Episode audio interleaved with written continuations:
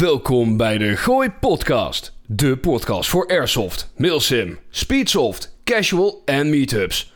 Om de Airsoft community bij elkaar te brengen, te inspireren en gewoon plezier te hebben.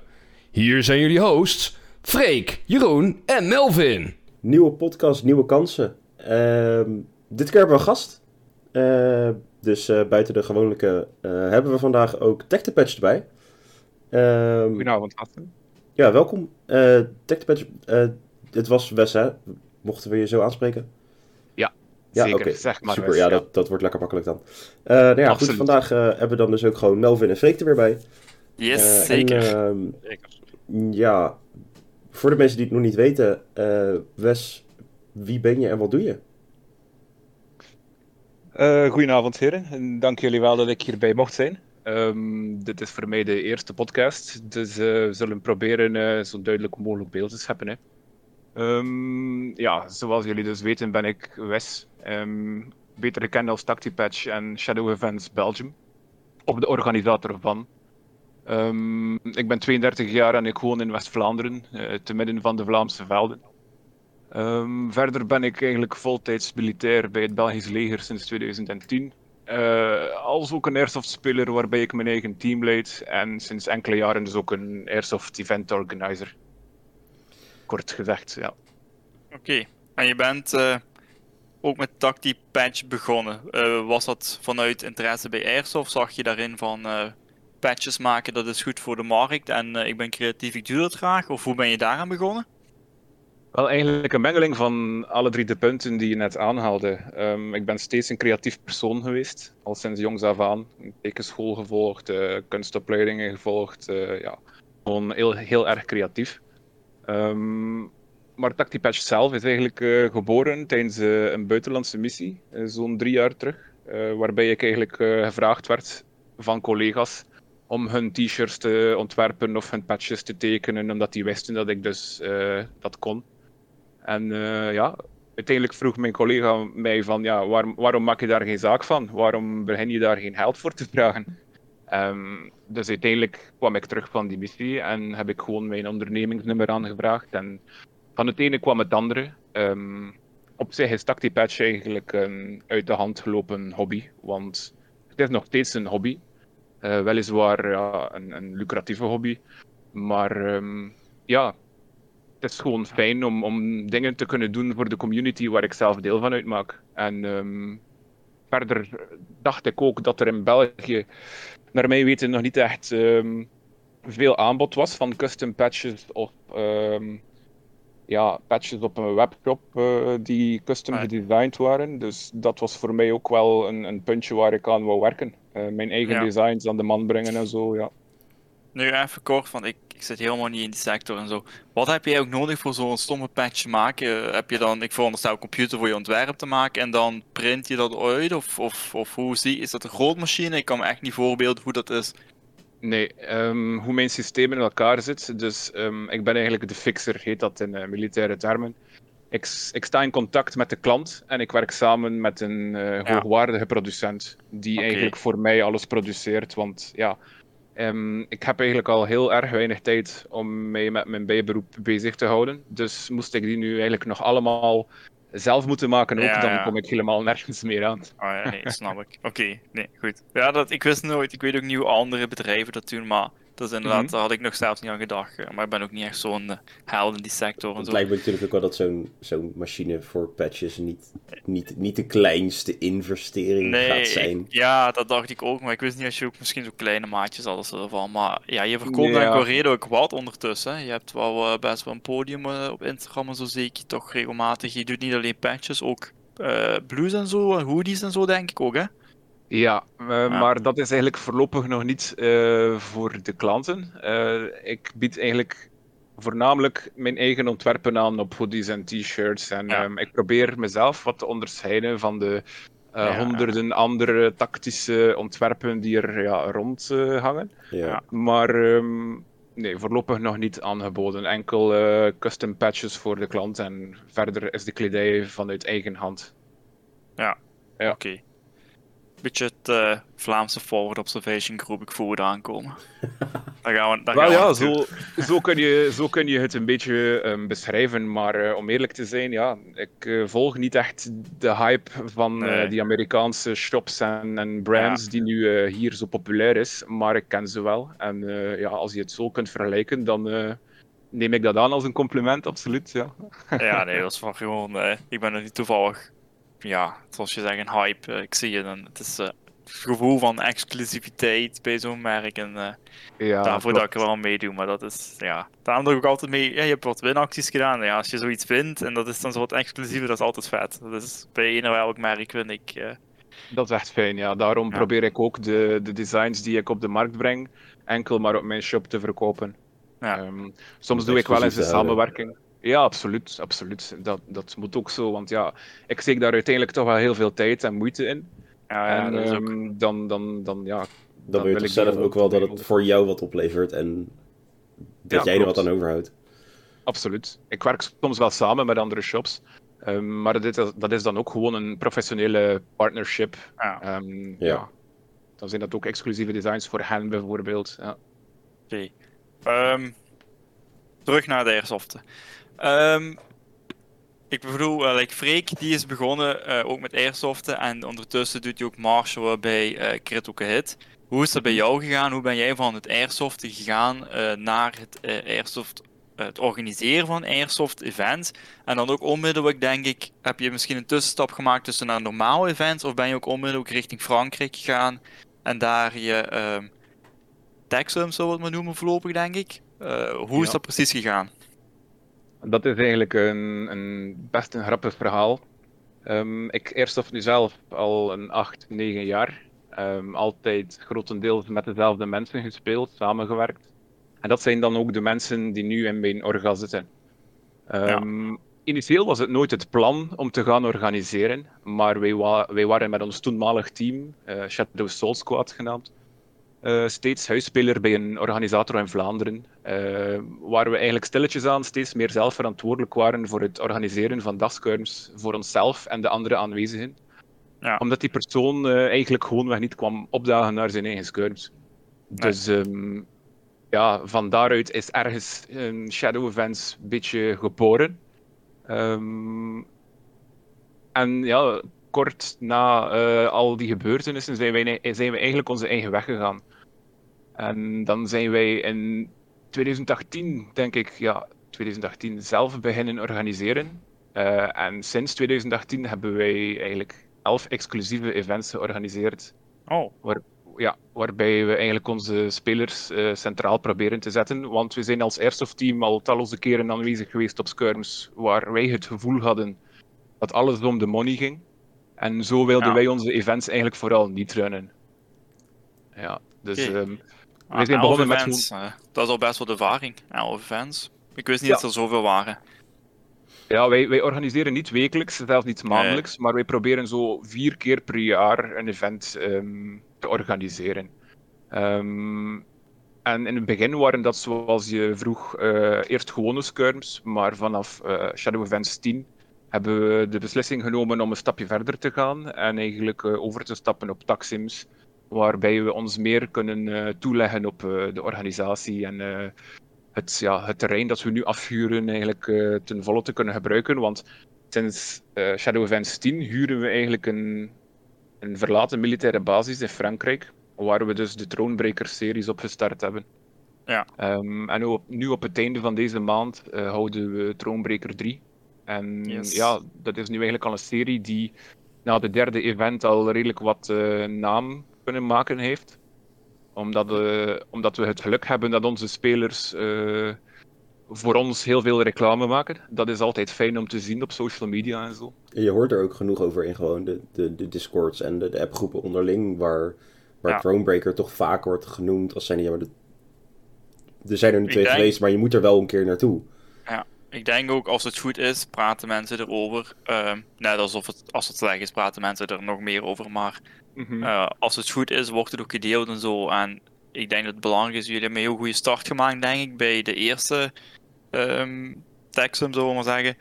En ja, nu, de derde is toch best wel wat rond, denk ik. Want van de eerste twee had ik misschien niet zoveel gezien, omdat ik er zelf ook niet bij betrokken was. Maar de derde zijn wij ook op het pas gekomen, inderdaad, door uh, mensen wat ik op Instagram volgde. En ik mijn team wouden graag uh, iets wat anders als een zondag uh, scurren. En dit was echt wel voor ons, naar ons gevoel, de perfecte middelweg tussen niet de hardcore mulsum, maar wel fijne teksten wat tijdens het speel serieus is, maar toch ook nog genoeg ruimte is om, als niet ervaren mulsummer, een beetje te rusten en uh, kijken hoe het gear allemaal is en zo, en wat je nog allemaal extra nodig hebt. Ja, dat is eigenlijk ook vooral onze bedoeling, om um, tijdens het spel zelf uh, alles uh, ja, goed te laten aansluiten en de gameplay vlot te laten verlopen en, en wat hardcore acties proberen uit te lokken van onze spelers. Maar uh, wij, wij voorzien eigenlijk ook altijd genoeg ruimte om, om te relaxen en om te chillen. En vooral ja. aan, om aan cohesie te werken naast het veld. Want cohesie vind ik heel belangrijk, ook binnen mijn eigen team. Dat is altijd al een van mijn belangrijkste punten geweest tijdens het airsoftwezen. En ja, ik vind het wel heel fijn en, en, het verbaast me eigenlijk een beetje dat je dat zegt, van, dat er wat een hype rond ontstaan is. Want ik, ik zelf ben eigenlijk totaal niet um, aanwezig in het Discord-wereldje. Ik, uh, ik, beperk mijn social media vooral tot Facebook en Instagram. Ja.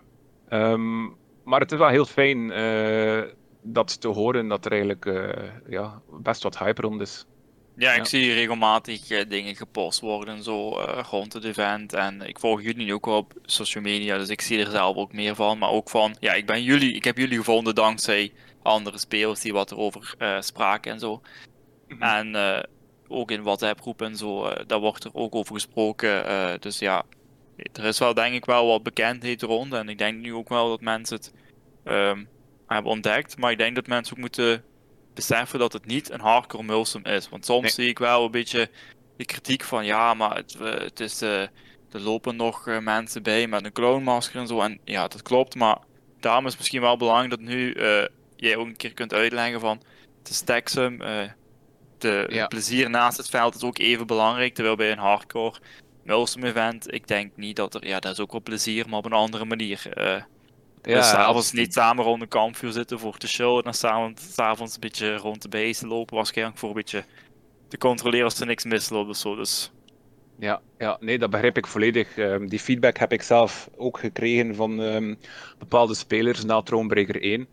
Um, dat die mensen inderdaad de indruk hadden dat wij eigenlijk uh, hardcore mailsims organiseren. Maar wij hebben van in het begin steeds duidelijk gemaakt dat het techsims waren. Ja. Um, maar ja, dat is uh, feedback die ik sowieso meeneem. Uh, er bestaat geen slechte kritiek, alles moet positief bekeken worden. En daar hebben we dan ook mee gaan werken en hebben we ons best gedaan om eigenlijk constant duidelijk te proberen maken aan onze potentiële spelers dat het geen full-blown milsim is. Maar ja, dat, ja. Dat is ook gevoelsmatig van speler tot speler. Voor mij is het misschien uh, meer als genoeg zo'n. En voor misschien Stefan is dat ja, te weinig. dat is een beetje het gevoel ook wat je zelf bent als eerste of speler mm. en hoe je er tegenover staat en zo. Zeker, absoluut. Wel ja, mijn, um, mijn huidige orga bestaat voornamelijk uit huidige of ex-militairen. En ja, die mannen hebben ook zoiets van. Ja, we doen het al genoeg op ons werk. Als we airsoften, willen we iets luchtiger gaan. En ja. gewoon vooral focussen op, op pret en uh, fun. Ja. ja. Ja, dat is dat juist, wel... juist leuk om dat te horen vanuit iemand die dan uh, actief militair is. Van ja, weet je, dat, dat airsoft dat moet. Dat, dat is het leuke. Dat moet het leuk blijven. En daar wil je niet te serieus in worden. Nee, absoluut. Dat, dat moet juist dat momentje van fun zijn. En natuurlijk, ik denk dat het inderdaad goed is dat je zo'n tekstsim hebt, dat je wel wat serieuze noten erin hebt zitten. Dus inderdaad gewoon hier en daar wat hardcore actie. Maar dat het ook gewoon moet kunnen dat je inderdaad lekker gewoon langs een kampvuur gaat zitten met z'n allen. En je moet een keer een biertje kunnen drinken en gezellig moet kunnen barbecuen. En dan gewoon de volgende ochtend elkaar weer helemaal de moeder inschieten omdat je een gebouw in wil. En ze zitten daar toevallig in. Absoluut. Ik, denk en, dat, dat, ja, die, die combinatie en het contrast ook tussen die dingen, dat, dat moet er wel blijven, zou ik zeggen. Zeker. En, en wat je nu net beschreven hebt, zo is het eigenlijk ook echt bij ons. Um, wij, wij, ja, s'avonds zitten al onze spelers gewoon samen rond een kampvuur. Uh, drinken ze een Belgisch streekbiertje. eh, maken ze plezier, maken ze pret. En dan de dag daarna dan is het weer eh, volle bak actie. Wij, hebben, eh, wij steken ook elementen in, ons, in onze gameplay die wel serieus zijn en die voor sommige mensen wat eh, overwhelming kunnen ervaren worden. Ehm, ik geef je een voorbeeld. Ik heb een TC3-trainer voor een massive bleeding. En wat betekent dat con- concreet? Dat is eigenlijk een siliconen arm op eh, realistische grootte met realistisch gewi- gewicht, waarbij ik een zak fake bloed kan aanhangen en die dan eigenlijk zogezegd een slagaderbloeding simuleert eh, vanuit de arm. En dan hangen wij die aan onze roleplayers, want die hebben we ook. Ehm, en die lopen dan rond met een massieve bloeding en dan spreken die spelers dan van help mij, help mij. En dan moeten Ja. die dan met een, met een, ja, een fake tourniquet, dat is een medisch toestel waarbij je massieve bloedingen kunt stoppen, dan moeten die die mens helpen. En krijgen die dan zo reward coins, waarbij die dan bij de trader kunnen gaan om, om in-game eh, materiaal te kopen of zo voor de missies. Ehm, Jullie hebben dus wel een bepaald eh, LARP-element erin zitten. Dus ook inderdaad met, met toneelspelers erbij, roleplayers erbij. Die, Absoluut. eh, die, die dus op zich, op zich niks met, met het spel zelf te maken hebben, maar daar gewoon los in rondlopen als het ware. Ja, klopt. Ehm, wij werken samen met de Pretoria Nausicaa Airsoft Team. Dat is een Belgisch airsoft team vanuit de streek bij mij ongeveer, ja, West-Vlaanderen. Ehm, en dat is een team van 10 tot 15 man. En die zijn exclusief onze roleplayers. Dus die jongens hebben ook hun eigen eh, campingplaats in het terrein, een, hun eigen HQ. En die mannen eh, zijn eigenlijk getasked door ons met eh, enerzijds ehm, de acteurs te zijn voor de missies, zoals escorts of ehm, ja, roleplayers. eh, Ja. en anderzijds eh, geven die op eigen wil en op eigen initiatief sidequests aan de spelers, die op hun beurt dan eigenlijk kunnen beslissen of ze die aanvaarden of niet. En met alles is er een reward system, die, ja, die kunnen dan gebruikt worden om bijvoorbeeld airstrikes aan te kopen bij de trader, die ook een roleplayer is trouwens. Ehm, ja, er is een hele storyline uitgeschreven, waar we dus letterlijk maanden eh, aan werken om eigenlijk alle foutjes eruit te halen en we maken het fail-proof. We hebben eigenlijk heel veel geleerd uit eh Thronebreaker 1 en Thronebreaker 2 door middel van feedback en, en dingen die misliepen in het terrein, waardoor dat we dan eigenlijk ehm, ter plekke moesten improviseren en de problemen oplossen. En Ja. deze dingen nemen we allemaal mee en dat zorgt er eigenlijk gewoon voor dat we, dat we gaan proberen om Thronebreaker, die, om Thronebreaker 3 de beste tot nu toe te maken, uiteraard. Dat denk ik ook wel dat. eh, even terug, eh, wacht. Je hebt drie soorten spelers, zo zeggen. Je hebt het blauwe team, eh, de naam weet ik niet van buiten. Je hebt het witte, dat zijn denk ik de roleplayers. Yes. En dan heb je de rode. De Voor rode. de mensen die wat gaan, die misschien nog een beetje hebben gelezen. Ehm, dus de witte mensen, of men, wit geklede mannen, zijn de roleplayers dan die wat dan eh, zorgen voor het LARP-event, of het LARP-element in de game. Ja, absoluut. Dus die mannen zijn dan ook eh, bijvoorbeeld gepost ehm, als bodyguard bij ehm, belangrijke plekken in het terrein, waardoor dat, dat eigenlijk ook een impuls heeft aan de spelers dat er daar iets te doen is. Ja. Ehm, we hebben ook een storyline voor beide factions. Dus de blauwe faction is eh, de Gungnir Battle Group, Mhm. eh, de GBG. En je kunt deze zo wat vergelijken met eh, de NATO-forces tijdens de Milsim. Eh, Ja. ja, traditionele militairen en ehm, volgens de regeltjes en we moeten het beste doen voor iedereen, et cetera, et cetera. Ja. En anderzijds heb je dan de Rogue Division Alpha. En dat zijn zowat ex-PMC-operators die eigenlijk eh, samen gegroept zijn voor eigen gewin en die willen gewoon chaos maken en de baas Ja. zijn van het spel. En, Kijk, dat, dat, dat klinkt nou als een, leuke, een leuk team. ja, dat is... Dat is Dat, dat, dat klinkt nou voor mij als ik zeg, daar heb je het meeste lol. Ja, wel, die mensen denken ook helemaal anders dan de GBG. We merken dat heel, heel, heel duidelijk als Marshall en Orga zijnde, dat die jongens eigenlijk gewoon, eh, ja, die, die, die spelen om, om, vooral om fun te hebben. En de GBG is heel erg mission gefocust. Ja. Maar het is, ja, het is toch wel een nek-aan-nek race. Want tijdens Stroombreaker 1 heeft eh, de RDA, dus de rode faction, heeft die decisively gewonnen. Maar Mhm. tijdens Stroombreaker 2 heeft de GBG eh, serieus kunnen terugslaan. Terwijl dat eh, de spelers eigenlijk eh, grotendeels hetzelfde waren en dezelfde stijlen hadden eh, als Stroombreaker 1. En het is heel fijn om te zien hoe bepaalde gedachtegangen en bepaalde initiatiefs, initiatieven van spelers kunnen zorgen voor een compleet andere ervaring. Je de drie eventen met een story op elkaar, of is het los van elkaar? Ja, Omdat... ehm, de story volgt, maar die zal stoppen grotendeels met Thronebreaker 3. Ik zal proberen nog niet te veel te verklappen, want Nee, ja, ik Snap ben best gepassioneerd door het project. Ja, Maar, ja, maar we hebben wel eigenlijk iets voorzien in de storyline, waardoor dat, eh, de huidige story eigenlijk op zijn einde zal lopen. Eh, is het mogelijk om in het kort een korte recap te geven van de twee eerste events, van wat de story is, of is dat, eh, komen we er niet mee toe met een half uur? Ja, dat is eh, heel moeilijk uit te leggen natuurlijk, op, Ja, een- op, op enkele minuten. Maar Ja. het komt er eigenlijk op neer dat de RDA een soort van ja, vrijgevochten faction is, die eigenlijk in ruzie is met de roleplayer faction, genaamd Ja. de Invictus Organization. En de Invictus Organization, onze roleplayers, die jongens zijn eigenlijk eh, de lokale eh, bevolking van het gebied waar eh, het spel doorgaat. En de GBG komen dus aan om daar vrede te scheppen tussen die twee factions. Maar de RDA neemt dat niet en die begint dan dus ook te vechten tegen, ehm, tegen de GBG, tegen de blauwe kant. Ja. Dus waardoor dat er eigenlijk een heel, een heel uniek systeem ontstaat, eh, waarbij de blauwe zijde eh, hulp moet vragen, of, of omgekeerd, van de roleplayers. En dat zorgt voor leuke missies en, Ja. en unieke momenten, uiteraard.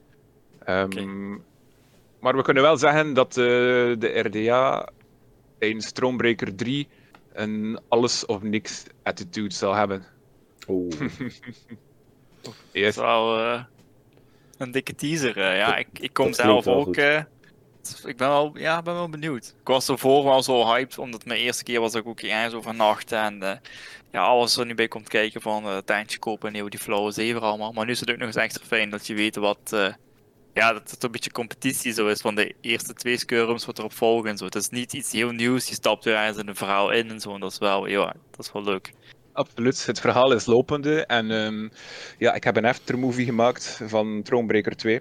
En Ja. daarin heb ik gezet van ehm, choose your faction and write your own story. Maar zo is het ook echt. Want de spelers die schrijven de storyline van hun faction. Wij doen dat niet als Orga. En daarin zijn we denk ik dan toch wel een beetje uniek. Ehm, dat we eigenlijk gewoon de spelers volledig vrij laten en ze niet verplichten om, ja, je moet nu deze objective doen of hé, Nee, eh, ze kiezen gewoon zelf wat er gebeurt. En ja, we merken dan ook heel duidelijk dat als een bepaalde faction te lax is op een of andere potentiële objective, dat er dan een serieuze twist is in de gameplay, waardoor dat ze dan de volgende missions eigenlijk een beetje verplicht worden om dan toch nog deel te nemen ehm, aan de mission waarmee dat de andere objective bezig is.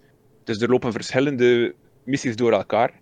En het is eigenlijk echt aan de spelers om uit te dokteren ehm, hoe de situatie in elkaar zit door middel van inlichtingen en de base commander die dan ook gedripfeed wordt door ons als orga zijnde met informatie over het verloop op het slagveld. En ja, we hebben ook eh, kaarten, hele grote kaarten, die we dus in de HQ's ophangen ehm, met postitjes die eh, in een real-time situatie via eh, radiocommunicatie ehm, gemerkt worden op de map, waardoor dat eigenlijk de spelers die naar de HQ's kunnen gaan constant zien wat er gaande is in het terrein en daarop direct kunnen inspelen. Nee. Het Heb is. je dat- eh, sorry, heb je- doe maar. Heb je dan ook, want je hebt nou Thronebreaker 1 en 2 gehad, je krijgt naar 3, heb je veel terugkerende spelers? Want dat moet je denk ik toch wel een beetje hebben voor een, een, een storyline die eh, door meerdere versies van een, van een evenement doorloopt. Klopt, ja, dat is wel zo. Eigenlijk, ehm, dat is nog een puntje dat ik wou aanhalen. We zien heel erg dat we, als we nieuwe spelers hebben, dat die ook gewoon blijven komen. Ehm, heel veel spelers die op Thronebreaker 1 kwamen, waren eigenlijk al spelers die we verzameld hebben, zeg maar, tijdens eh, alle voorgaande evenementen, toen dat we nog kleiner, eh, kleinere dagskuirens organiseren. En die mensen zijn ook gewoon blijven komen. We hebben eh, heel veel nieuwe spelers gehad die Ehm, ja, enerzijds de nieuwe spelers die niet meer teruggekomen zijn, dat zijn dan onder andere de mensen die eh, dachten dat wij Milsim waren. En dat is hun volste recht om dan niet, eh, niet meer terug te keren, uiteraard, als dat hun ding niet is. No hard feelings, elk zijn ding.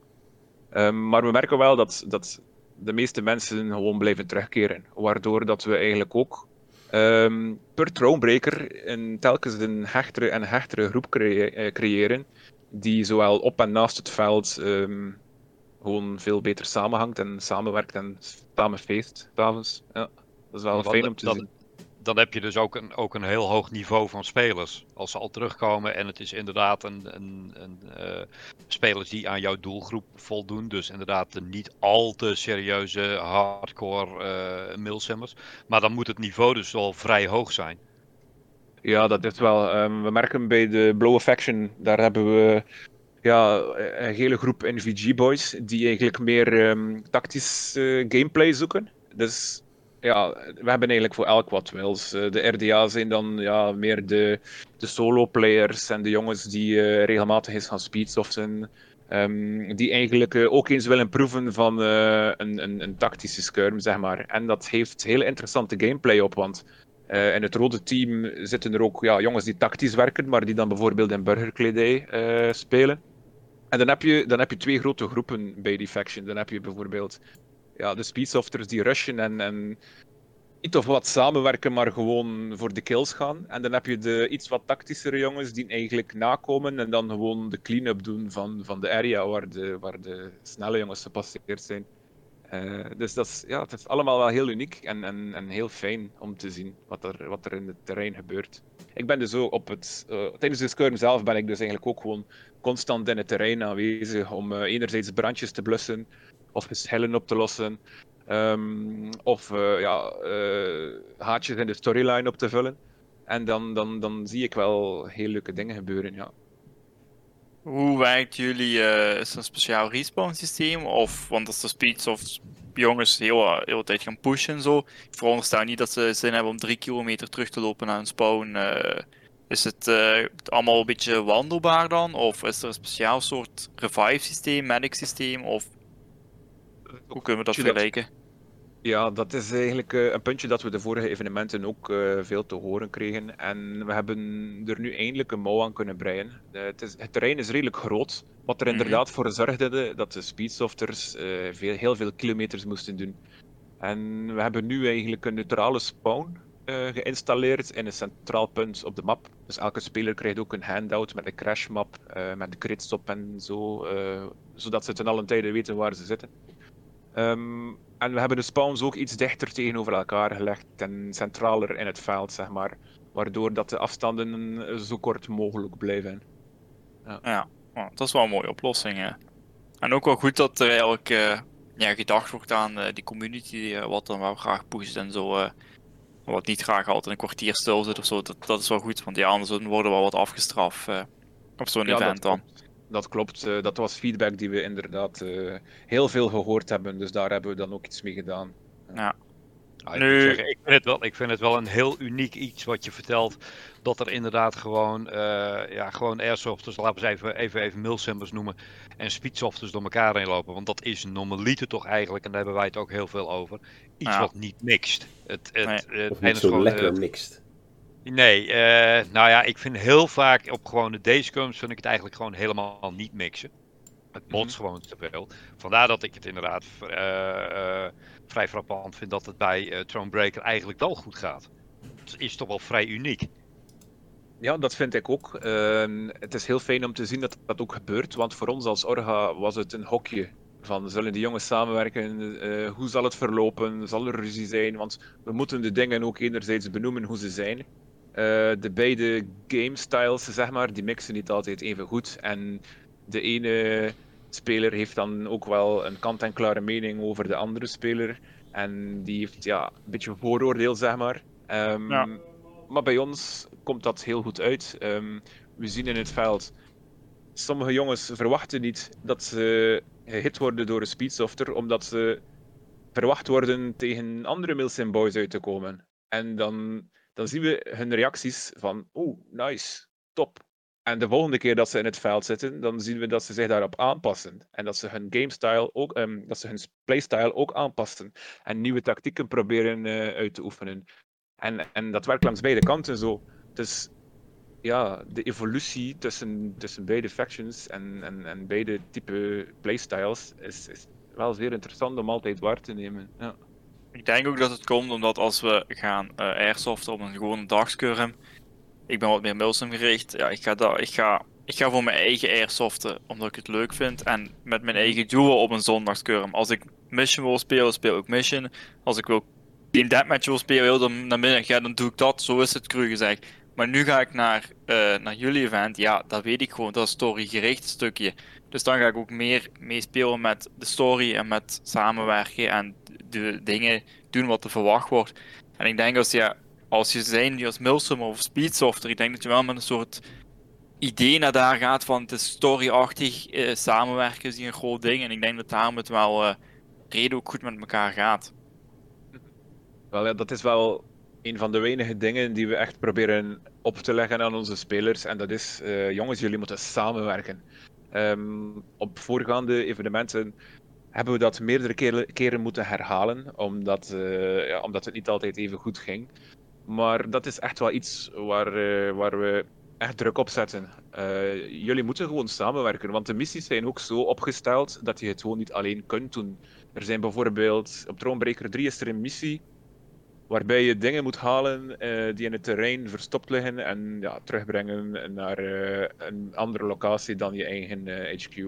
Maar ehm, je moet met vier zijn om die dingen te verplaatsen. Dus je moet eigenlijk echt gewoon andere mannen vastgrijpen en zeggen van kom, hij gaat nu mee met mij, hij doet dit, hij doet dat. Maar ondertussen zijn er nog drie, vier andere situaties lopende waarbij je soms van de ene missie direct moet overgaan naar de andere en andere jongens moet aanduiden om jouw missie te voltooien. Snap je? Dus Ja. het is een, Ja, iets, het- iets, onze storyline is, is levend en, en het evolueert gewoon constant. Wij, wij kunnen die wel uitschrijven, maar wij kunnen niet vooraf anticiperen hoe dat zal uitdraaien, omdat ja, de spelers gewoon zelf hun missies kiezen. En jullie leggen de is- rode lijn en ze zien wel hoe ze die volgen eigenlijk. Ja, klopt. Daarom hebben we ook een reward systeem met coins. Ehm, we hebben een bevriende 3D-printer die voor ons eh, mooie ronde coins in de kleuren van elke faction uitgeprint heeft. En ja, spelers kunnen die dan verdienen door middel van ehm, main storylines en sidequests te voltooien. Ja, en dat is dan ook eh, een extra dimensie aan het geheel, vind ik. Ja. Ik denk dat dat inderdaad wel een hele mooie toevoeging is. Dat je inderdaad Ja, echt wel is- gebruik kan maken van, van, van, van dat team wat, wat komt als acteurs om ja, toch, toch dat laagje extra toe te voegen. En ik denk dat dat inderdaad wel een hele belangrijke is om waarom Thronebreaker dus eigenlijk zo populair is geworden in, nou ja, weet je, in twee versies. Eh, Ja, en dat er nu En- dus en- al echt wel een hype ontstaan is rond de derde. verder hebben, ja, dat, ja, dat, eh, dat denk ik ook. Ehm, dus dat is inderdaad wel, wel fijn om te zien dat de spelers dat appreciëren. Ehm, verder hebben we dus eigenlijk ook veel proefsystemen in het spel gestoken, waardoor we ervoor kunnen zorgen dat niet één team de hele dag het spel kan domineren. Wat bedoel ik daarmee? Ehm één, één, ehm, ja, één situatie, zeg maar, is dat we dus de neutrale spawn hebben. En eh, die zal werken aan de hand van dominatie. Dus stel dat, het, dat er één team constant de overmacht heeft op het terrein, dan geven we eigenlijk de neutrale spawn aan het verliezende team. En omgekeerd. Om ze toch Dus weer even dat randje te geven. Ja, klopt. Eh, dat een, een wel- ander ja, element. Een ander element zijn dus eh, airdrops. Eh, we hebben dus een soort van in-game airdrops eh, door middel van ehm, groene smokes. Die we dan bijvoorbeeld op bepaalde locaties kunnen laten droppen, waar er dan ook loot in zit, zeg maar. Ehm, met eh, patches of eh, kledij of BB's, die de speler dan ook gewoon effectief mogen houden. En dat zijn dus altijd wel, wel leuke dingen om, om, om voor te gaan tijdens een spel, waardoor dat we eigenlijk de aandacht van ehm, sommige spelers kunnen afleiden. Eh, terwijl ze bezig zijn met hun missie. Dus eh, wij kunnen eigenlijk ergens wel het spel een beetje beïnvloeden als we zien dat het vastloopt. Maar we gaan eigenlijk eh, nooit game-breaking acties uitvoeren waardoor de uitkomst van het spel beslist wordt, zeg maar. We, we, we, beïnvloeden eigenlijk gewoon een beetje de, de flow van het spel, maar nooit de uitkomst. Ik denk dat jullie ook wel de twee andere eventen heel eerlijk, heel eerlijk met jullie zelf zijn geweest. En ook echt wel dingen met feedback hebben gedaan wat niet goed ging. Want je, kan er ook instappen van eh Texum, niet veel in de Vlaamse, Nederlandse Airsoft community. Wij zijn de mannen. Maar jullie hebben wel heel eerlijk met jullie zelf eh, omgegaan. En ik denk dat het daardoor nu ook zo goed gaat gaan. En joh, die dingen wat je nu vertelt, ik heb het niet veel eerder gehoord. Het is allemaal vrij uniek en zo. Ik denk dat dat wel eh, komt door die goede feedback en het is een goede zelfreflectie. Ja, absoluut, zoals ik zei, er bestaat geen slechte kritiek. Eh, je moet eh, van alles iets leren. Dat is ook iets wat eh, wij als Orga geleerd hebben binnen onze tijd bij Defensie. Ehm, want anders, ja, als je denkt dat je, dat, je, dat je een man bent, dan ga je uiteindelijk dingen doen die meer en meer mensen tegen, tegen de borst gaan beginnen stoten. En dan zul je ook gewoon zien in je playerbase dat mensen minder en minder moeite zullen doen om naar je event te komen. Dus ja, als we feedback krijgen, en zeker als we feedback krijgen van meerdere mensen eh, die over hetzelfde onderwerp, dan doen we daar ook gewoon effectief iets mee. En niet eh, binnenkort, maar nu. Ja. Ja. Dus, Nu- Dat eh, is inderdaad wel heel fijn. Er zijn inderdaad best wel veel orga's die... Waar het in ieder geval lijkt alsof ze niks doen met, met feedback of, of kritiek op, op wat dan ook. Omdat ze ah, misschien een soort vinden van ja, maar het is mijn ding en het is niet van jullie. En ik plus dit is wat er gebeurt. En jullie behandelen het veel meer als het is van de community. En, en wij zijn er eigenlijk alleen maar om, om het voor jullie te, te organiseren. En ik Dat denk dat, dat, dat en ik denk dat dat wel echt de juiste insteek is om, om dit soort evenementen goed te laten verlopen. Ik denk dat het ook komt omdat hun het ook doen met een passie. Omdat hun doen het niet elk weekend. Want ja, als je je job ervan maakt, dan snap ik aan één kant wel dat het financieel plaatje heel belangrijk voor je is. En dat je Ja. niet elk weekend zo'n dikke skirm kunt neerzetten of Texum kunt neerzetten. Want ja, daar kruipt heel veel tijd in. En hun doen echt met een passie. En ja, op vier keer per jaar of zo is jullie doel. Of eh, het, is, het is niet zoveel, dus jullie kunnen ook wel kwaliteitvolle skirms brengen. Maar los daarvan vind ik ook dat vaak organisaties te weinig doen met feedback. En ja, dat het op het einde van de dag gewoon een dagje airsoft is waar 25 euro betaald is. En ja, ze zijn verdiend. Dat is Mhm. eenmaal zo. Ja, Nu, de, is- misschien de moeilijkste vraag, sorry. Ja, zo'n Skirm, Texum, die storyline. eh, ga je slapen? Denk je na, eh, dit ga ik eens eh, plannen. Hoe, hoe schrijf je zo'n story? Hoe begin je in kort aan zo'n hele Texum op te zetten? Wel, ehm, ik ben eigenlijk volledig akkoord met, we, met je laatste zin die je daarnet opnoemde. Ehm, wij hebben inderdaad maandenlang tijd om onze volgende evenementen voor te bereiden, waardoor we eigenlijk alles veel meer in detail kunnen uitwerken. En dat is ook net het, eh, dat is ook net het geheim, of de sleutel, zeg maar. Ehm, wij hebben een crew die eigenlijk heel goed samenwerkt. En iedereen heeft eh, zijn eigen verantwoordelijkheid. Ehm, ik steek het programma in elkaar, eh, ik steek de timings in elkaar. Tot voor kort deed ik de storyline. Dat heb ik nu uitbesteed aan een van onze medewerkers. Ehm, maar ja, hoe begin je eraan? Ja, dat is, dat is van A tot Z. hè. Eh, daarom dat we ook maanden werk hebben voor één evenement. Eh, we moeten denken aan de huur van het terrein. We moeten denken aan de brouwer die komt met de drank. Maar we moeten ook denken aan de patches voor de factions. We moeten denken aan de gameplay. We moeten denken aan het middageten, aan de randanimatie, aan sanitair, aan alles erop en eraan. Dus het is eigenlijk niet even een, een, een weekendje gaan schieten op elkaar dat we organiseren, maar we proberen er eigenlijk gewoon een totaalbeleving van te maken. Het is, ja, het is zoals een weekendje Disneyland of zo, weet je wel. Ja, ja, dat, Ja. Zo, zo voelt het ook wel aan als ik ga, ja. Dus elk jaar, Weekendje. bijna ja, twee maanden voor elk event kan ik zeggen dat ik toch wel dagelijks bezig ben met de voorbereiding daarvoor. Ehm sponsors, eh, spelers aanspreken, proberen reclame te maken.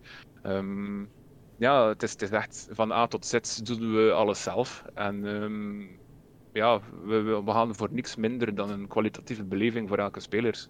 Dus dat, dat zit ook, alles zit ook in het ticket. Alles is inclusief. Als er een ticket gekocht wordt, dan, eh, dan zit alles erin van A tot Z. En, en Ja. heb je eigenlijk amper geld nodig om, om rond te komen op ons evenement. Dat vond ik ook wel interessant voor, eh, voor- vanuit mijn persoonlijk idee, omdat ik ermee start met een weekend Airsoft.